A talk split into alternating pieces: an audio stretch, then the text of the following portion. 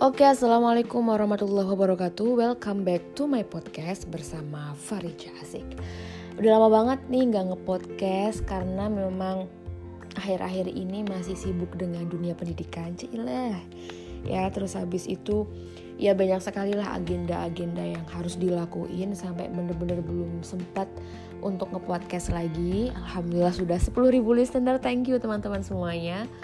Terus karena juga akhir-akhir kemarin sebenarnya udah ada giroh, udah ada semangat nih buat ngepodcast. Cuman di kam nggak kompung sih di komplek perumahan ya di Kriya Kencana Permai cileh nama sebut nama komplek ya. Itu masih ada kayak apa ya namanya buat 17-an mau malam tirakatan jadi mereka tuh udah dibersih gitu loh. Jadi berisik banget ya Allah. Emang ya kalau hidup di kampung ya hidup di masyarakat emang harus nerima semuanya. Tapi it's okay pas banget sekarang lagi ada giro semangat buat kayak ya kenang-kenangan lah ya kayak menjadi suara gitu ya dari tausiahnya. Jadi sekarang spoiler deh. Jadi aku mau ngasih apa sih namanya mau ngerekam ya mau merekam resum dari tausiah Hubabah Salim Hubabah Ummu Salim bin Hafid yang mana beliau adalah Al Mukarromah bidadari surga dari bidadari surga yang dari Tarim gurunya Ustazah Halimah terus juga guru saya. Terus habis itu apa namanya kebetulan beliau sedang rihlah di Indonesia. E, pas ini lagi majelis akbar e, tempat apa namanya di Menara 165 di Granada Ballroom Jakarta di TBC Matupang Cilandak ya Jaksel. Alhamdulillah dulu tahun 2018 sampai ya tahun 2019 saya lupa jadi uh, 2018 ya 2018 saya tuh ke Solo sama sahabat saya memet saya soulmate saya Syarifah di Jahrimah Yahya yang di Solo. Nah kebetulan uh, Habib Umar bin Hafid itu sedang ada rihlah juga gitu di Solo di di Ponorogo sekolah Islam di Ponorogo sekolahnya para habaib lah kebanyakan. Nah terus istrinya itu ada majelis perempuan di tempat Palugunan di tempatnya Habib Husin Alaidrus kakeknya Rima. Terus habis itu pas saya ke sana ya ngobrol sedikit lah dengan kemampuan bahasa Arab saya sangat minim dan ya gitulah pokoknya asal berani aja. Terus alhamdulillah dikasih kesempatan buat makan bersama sebelahan didoain gitu kan. Dan saya alhamdulillah waktu itu sempet ngasihkan kenang-kenangan dompet Jogja ala Jogja gitu buat dibawa ke Tarim ya alhamdulillah ya mestinya Allah kasih kesempatan dan sekarang seneng banget pas denger beliau ada di Indonesia sebenarnya pengen banget buat hadir ke Cidodol buat hadir ke Jakarta cuman belum bisa karena saya pasti punya kewajiban sebagai seorang guru Cileh. Jadi memang tidak bisa ditinggalkan. So minal hadirin uh, nitip salam atau nitip doa deh buat teman-teman yang bisa dikasih kesempatan Allah untuk hadir di majelis yang masya Allah itu. Itu masya Allah banget loh orang-orang pilihan loh ya yang dapet. Maksudnya yang emang Allah kehendakin gitu buat hadir di majelisnya beliau.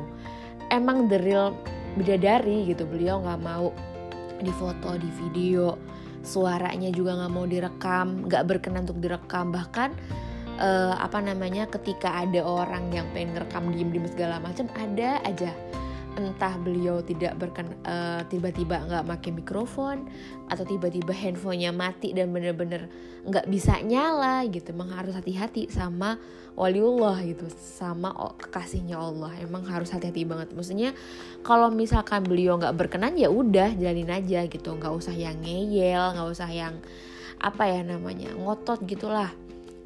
Terus habis itu juga biasanya kan uh, ustazah-ustazah yang memang tidak berkenan seperti itu kan pengennya tuh kayak mukanya kita atau wajah kita suara kita tuh ya ada di hati kalian aja cukup disimpan disimpan aja gitu nggak usah diumbar-umbar gitu.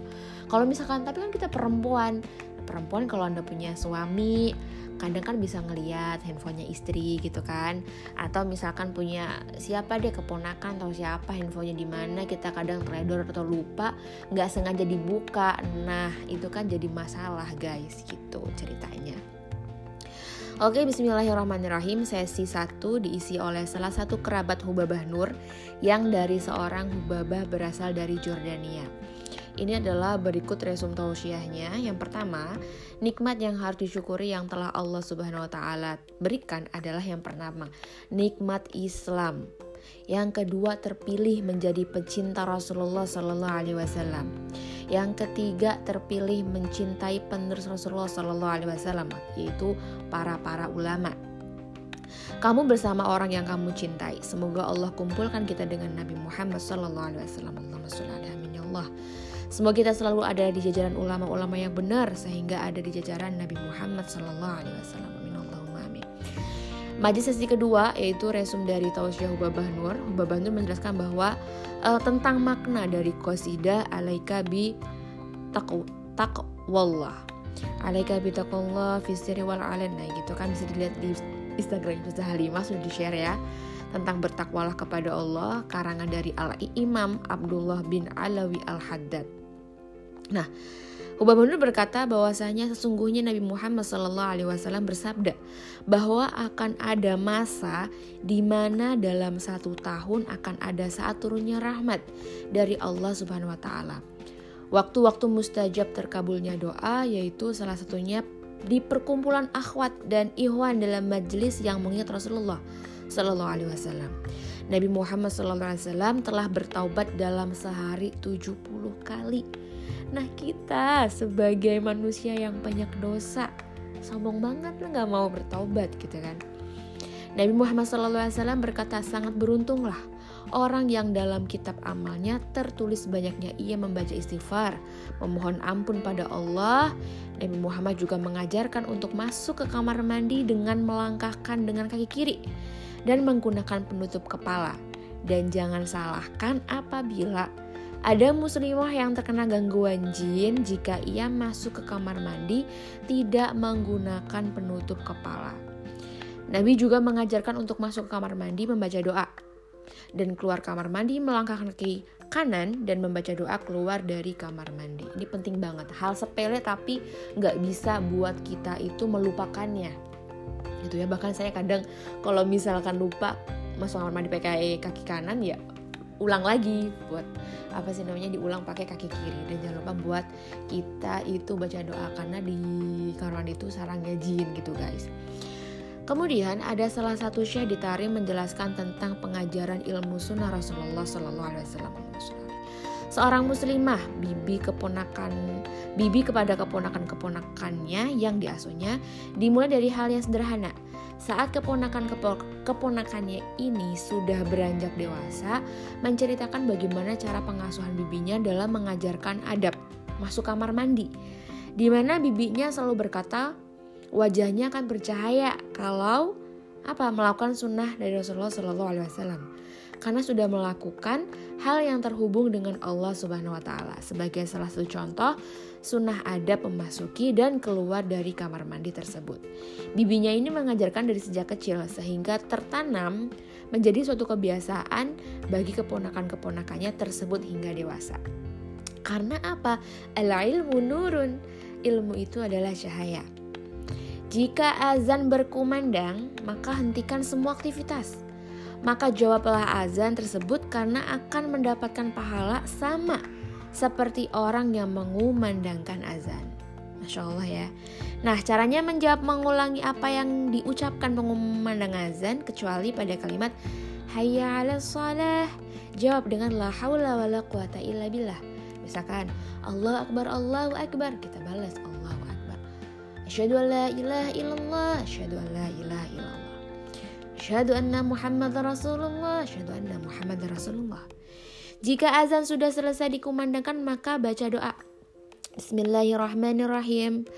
Masih ingat kan? Allahumma rabb hadhihi da'wati tammah was salatil qa'imah آتي محمد الوسيلة والفضيلة والشرف والدرجة العالية الرافعة وابعث مقام محمودا الذي وعده إنك لا تخلف الميعاد يا أرحم الراحمين kemudian baca Robbi firli waludaya Robbi firli waludaya nah nanti yang terakhir yang kelima warhamuma kama rabbayani sagira lima kali ya kita doain sama orang tua minta diampunin ya diampuni sama Allah kemudian kita jadi, jadi anak yang durhaka gitu.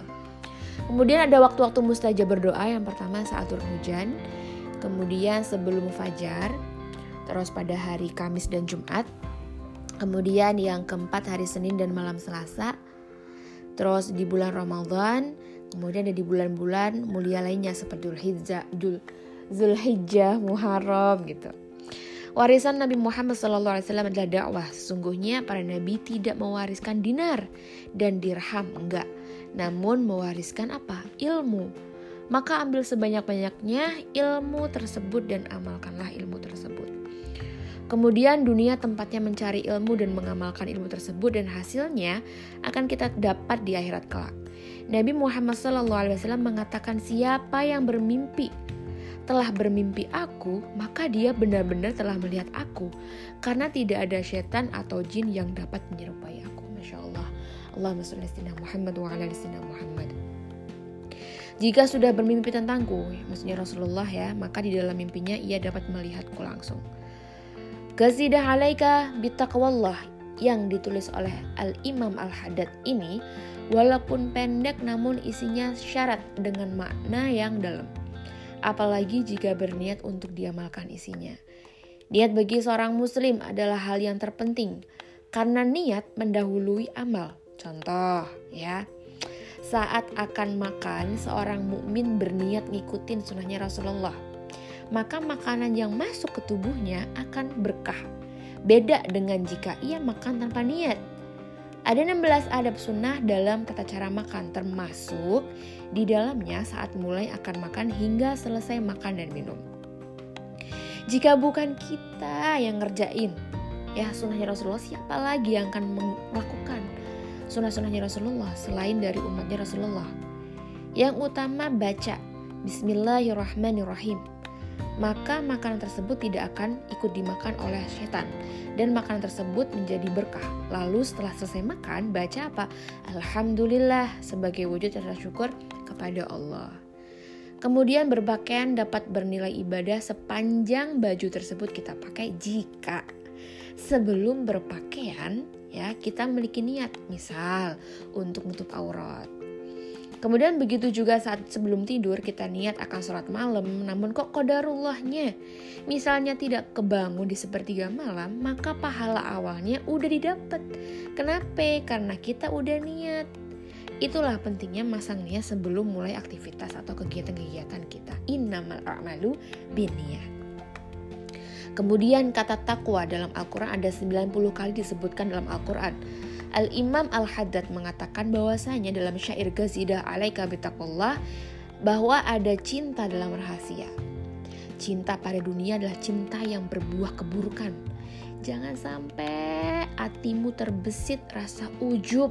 Apa tuh ujub? Membanggakan diri sendiri atau sombong, meremehkan orang lain, memandang kagum pada urusan-urusan dunia, keraguan dalam keagungan Allah seperti rizki, ragu-ragu pada surga, ragu-ragu pada neraka. Karena apa? Hal itu akan menjadikan hati yang sakit. Ya, hati yang sangat hitam, hati yang keras. Hati yang keras hati itu so pasti jauh dari Allah Subhanahu wa taala.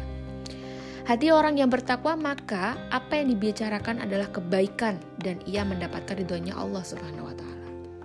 Jika takwa, maka hatinya bersih sehingga ia tidak akan menyakiti orang lain jika kamu orang yang bertakwa, kamu tidak akan memakan makanan yang haram dan syubhat. Jika kamu makan makanan yang haram, maka kamu akan melakukan perkara-perkara yang haram juga. Jika makan makanan yang haram dan syubhat, maka kamu juga akan membuat hatimu menjadi keras. Penting banget. Apa yang kita makan itu juga akan me, apa ya, menampilkan apa yang kita perbuat. Kemudian jangan banyak ngobrol-ngobrol hal yang nggak jadi masalah gitu maksudnya kayak hal-hal yang nggak berguna nggak faedah ahsan kamu tuh beribadah seolah-olah Allah melihatmu dalam Gazidah Al-Imam Al-Hadad ini juga berisi pesan agar kita membersihkan hati dari hasut, hawa nafsu. Nafsu itu lebih jahat dari 70 setan. Al-Imam Al-Hadad berkata kalau dunia isinya derita, hal-hal yang membuat tidak enak, Tinggal masanya hanya sebentar. Berkawanlah dengan orang yang baik dan berilmu. dan mereka yang telah Allah karuniai petunjuk. Dan jauhin nih jauhin. Berteman sama orang yang terberdaya sama dunia. Dunia mulu yang diomongin. Cuan mulu ya. Jangan jangan berteman sama orang. Tapi kita kayak normal aja ya. Tahu aja tapi nggak usah yang sampai bestie gitu loh. Allah sudah menentukan takdir umur rezeki umatnya. Maka rezeki hambanya maka ridho dan konaah apa tuh konaah nerima dengan lapang hati terhadap ketetapannya Allah. Jika kamu tidak ridho dan ketetapannya Allah maka kamu akan capek sendiri say. Akan lelah sendiri. Kemudian jangan ngucap andai. Kenapa? Karena itu sama aja dengan tidak menerima ketetapan Allah. Apa yang Allah tetapin terjadi maka akan terjadi. Kun fayakun Sholatlah kamu dengan khusyuk, hadirkan hati, jiwa, dan pikiran saat sholat. Ruhnya sholat adalah kekhusyuan itu. Sesungguhnya sholat itu menjauhi dari perbuatan keji dan mungkar. Allah dapat menjadikan kita orang yang dapat melakukan sholat dengan sebenar-benarnya sholat yaitu dengan apa? Memahami bacaannya sholat. Jadi nggak cuma jengklat jengklit jengklat tapi kita paham Gimana caranya? Belajar, baca lagi, belajar lagi, berguru lagi gitu. Ya. Kemudian berdoalah untuk dijauhkan dari api neraka. Allahumma inni nas'aluka ridhaka wal jannah wa na'udzubika min sakhatika wan nar. Allahumma inna nas'aluka ridhaka wal jannah wa na'udzubika min sakhatika wan nar. Ini bisa di rotib al-haddad biasanya ada. Nah, mintalah kepada Allah Subhanahu wa taala. Kemudian di dunia ini ada masa paceklik, ada penderitaan, penyakit, pertengkaran. Biasa aja, nggak usah yang gumun, nggak usah kayak yang nge-shock dan kaget. Ya dunia emang tempatnya ujian, say. Ya, dunia ini juga bukan tempat tinggal. Cuman singgah doang kita.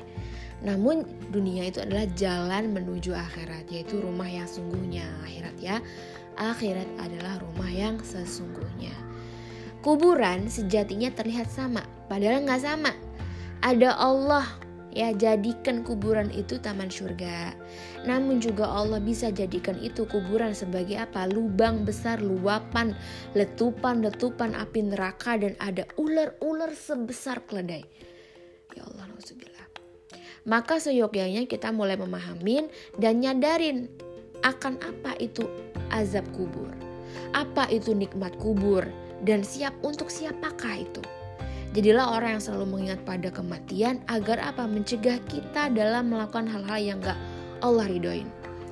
Rumah sungguhnya bagimu adalah surga bagi orang-orang yang bertakwa. Semoga Allah menjadikan kita orang yang bertakwa dan dijauhkan diri da, dijauhkan dari kesesatan dunia.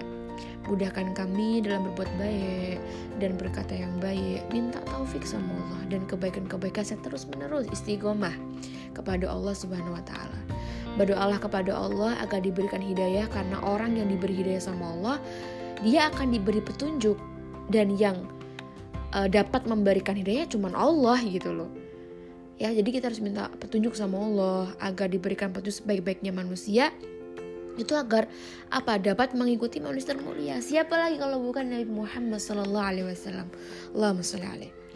Lakukanlah sunnah-sunnah Rasulullah merupakan dasar dari keberhasilan dan sungguh celaka bagi orang-orang yang ngeremehin sunnah-sunnahnya Rasulullah.